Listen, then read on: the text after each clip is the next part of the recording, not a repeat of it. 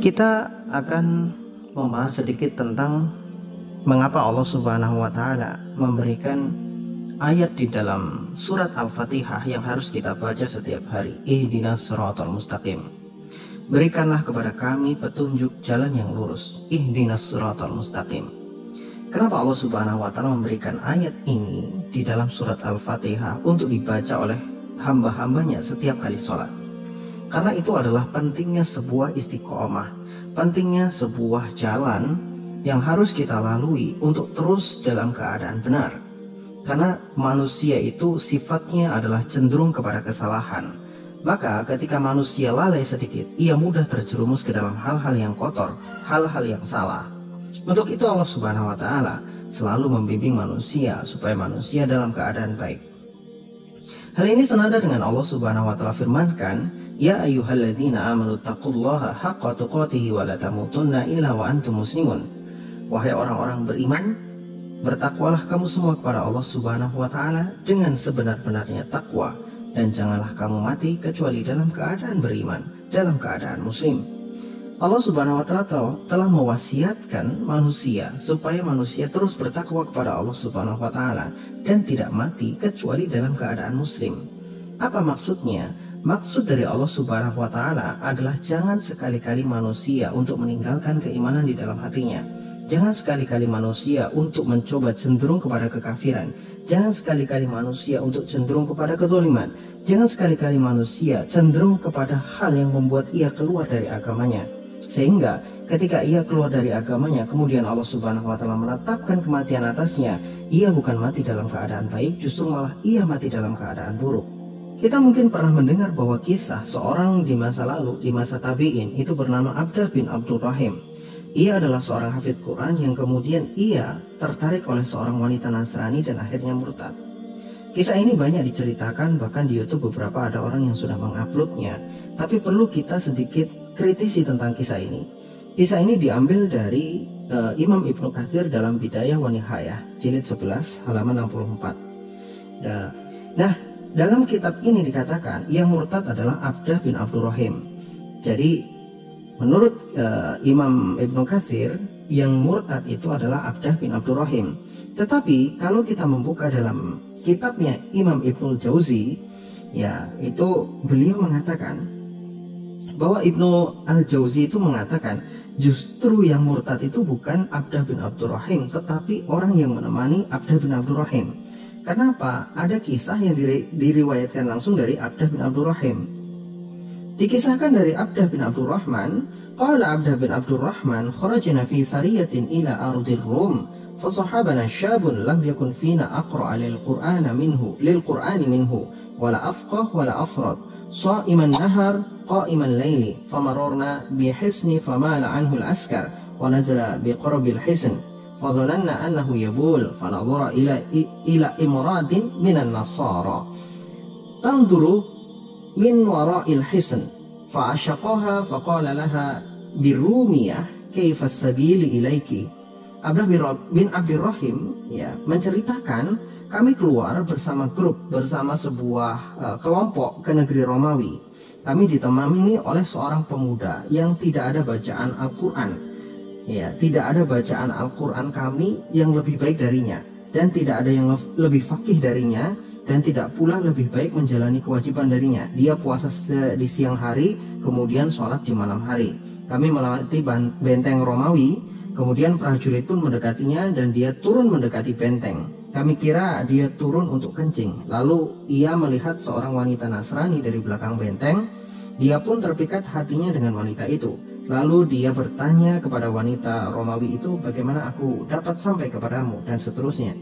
Nah, menurut Imam Al-Jauzi, yang murtad adalah orang yang menemani, seorang pemuda yang menemani Abdah bin Abdurrahman. Dia orang yang pandai membaca Al-Quran, dia fakih terhadap agama, dan dia termasuk orang yang selalu menjalankan perintah-perintah Allah Subhanahu wa Ta'ala. Nah, di dalam kisah ini, yang murtad itu bukanlah uh, Abdah bin Abdul Rahman, tapi orang yang menemani Abdah bin Abdul Rahman. Tapi ia betul-betul seorang hafid Quran. Nah, yang menjadi menarik adalah orang yang hafiz Quran, dia faham dengan hukum-hukum agama, dia puasa di siang hari, dia selalu sholat malam di malam harinya. Kemudian dia bahkan berangkat untuk berjihad di jalan Allah Subhanahu wa taala menaklukkan benteng Romawi hanya karena seorang wanita Nasrani yang sangat cantik ia tergoda, imannya ditinggalkan olehnya karena cinta itu tadi. Hingga akhir hayatnya Allah Subhanahu wa taala hanya menyisakan dua ayat saja yang ada di hafalannya Hal ini sebagai tanda bahwa Allah Subhanahu wa taala sedang memperingatinya agar ia kembali. Tetapi apa yang Allah Subhanahu wa taala peringatkan kepadanya tidak pernah digubris. Ayat itu berbunyi, "Rubbama yawaddul ladzina kafaru law kanu muslimin." Orang-orang kafir itu sering kali menginginkan kiranya dahulu mereka di dunia menjadi orang-orang muslim. Ini ayat ini bercerita tentang kehidupan nanti di akhirat ketika Allah Subhanahu wa taala telah memberikan gambaran kepada orang-orang yang sudah mati akan kehidupan mereka di akhirat. Kemudian orang-orang kafir itu berkata, "Rubbama yawaddul ladzina kafaru law kanu muslimin." Orang-orang kafir itu betul-betul menghayalkan, betul-betul menginginkan seandainya dulu di dunia mereka menjadi orang muslim. Nah, inilah yang mereka inginkan ketika nanti di akhirat. Mereka pengen kembali lagi ke dunia untuk menjadi orang muslim. Kemudian yang kedua adalah darhum yakulu wa yatamatta'u wa yulhihimul amalu fasawfa ya'lamun. Biarkanlah mereka orang-orang kafir itu di dunia makan dan bersenang-senang dan dilalaikan oleh angan-angan kosong mereka. Maka kelak mereka akan mengetahui akibat dari perbuatan mereka. Dan ini adalah peringatan dari Allah Subhanahu wa taala bagi orang itu. Bagi uh, sah, uh, apa seorang laki-laki tadi yang menemani Abdah bin Abdurrahim yang telah murtad padahal dia dulunya adalah seorang hafid Quran maka Allah Subhanahu wa taala tinggalkan ayat ini dalam kepalanya, tetapi itu tidak pernah digubrisnya, ia terus dalam kehidupannya, ia terus dalam keadaan kekafiran sampai ia mati. Kemudian ada kisah lain yang menarik. Saya dulu pernah membaca sebuah buku, tapi saya lupa judul bukunya, tapi saya masih ingat kisahnya. Kalau ada di antara antum semua yang pernah membaca buku ini, tolong beritahu kepada saya supaya saya kembali lagi membacanya, karena hikmah-hikmahnya banyak sekali. Dikisahkan dahulu, ada seorang ulama besar yang mempunyai murid yang sangat cerdas. Murid ini adalah murid yang paling cerdas, murid terbaik, murid paling soleh di antara yang lain. Nah, tiba-tiba suatu hari murid ini uh, sekarat menjelang kematian. Tetapi orang-orang di sekitarnya itu berusaha menuntun dia untuk mengucapkan la ilaha illallah, la ilaha illallah. Karena Rasulullah Shallallahu Alaihi Wasallam mengatakan, Rasulullah bersabda, "Man akhiru kalami ila ilaha illallah dakhalal jannah." Barang siapa akhir kalimat yang dia ucapkan sebelum ia meninggal adalah la ilaha illallah, maka dia akan masuk surga. Nah, ketika pemuda yang pintar, dikenal pintar, cerdas, paling soleh di antara murid-murid yang lain ini hendak meninggal dunia, ditalkin untuk mengucapkan la ilaha illallah, ternyata dia tidak bisa. Kenapa tidak bisa? Dia selalu mengatakan, aku berpura-pura, Aku berpura-pura. Kenapa demikian? Ternyata dia menyembunyikan rahasia yang sangat luar biasa. Ternyata selama ini dia itu tidak benar-benar menjadi seorang muslim. Dia juga tidak benar-benar menjadi orang soleh dan dia tidak benar-benar menjadi seorang yang alim. Di balik kealimannya itu, ternyata dia punya penyakit yang sudah sangat parah dan dalam uh, dan untuk mengobati penyakit itu maka ia harus mengkonsumsi alkohol, mengkonsumsi minuman keras setiap minggu. Maka pada waktu-waktu tertentu ia akan bersembunyi dari manusia dan ia akan meminum alkohol dengan dengan bersenang-senang artinya dia uh, bersembunyi dari manusia. Kemudian dia berbuat dosa sendiri di situ dengan meminum alkohol. Dan dia tidak beribadah pada hari itu. Kemudian di, esok harinya setelah penyakitnya mulai reda ia kembali kepada manusia dan ia berpura-pura baik di hadapan mereka. Terus seperti itu hingga akhirnya penyakit dia ini menjadi parah dan dia menjelang sakaratul maut dan dia tidak bisa mengucapkan la ilaha illallah. Di situ para murid yang mengetahui kisah ini pun menangis. Kenapa?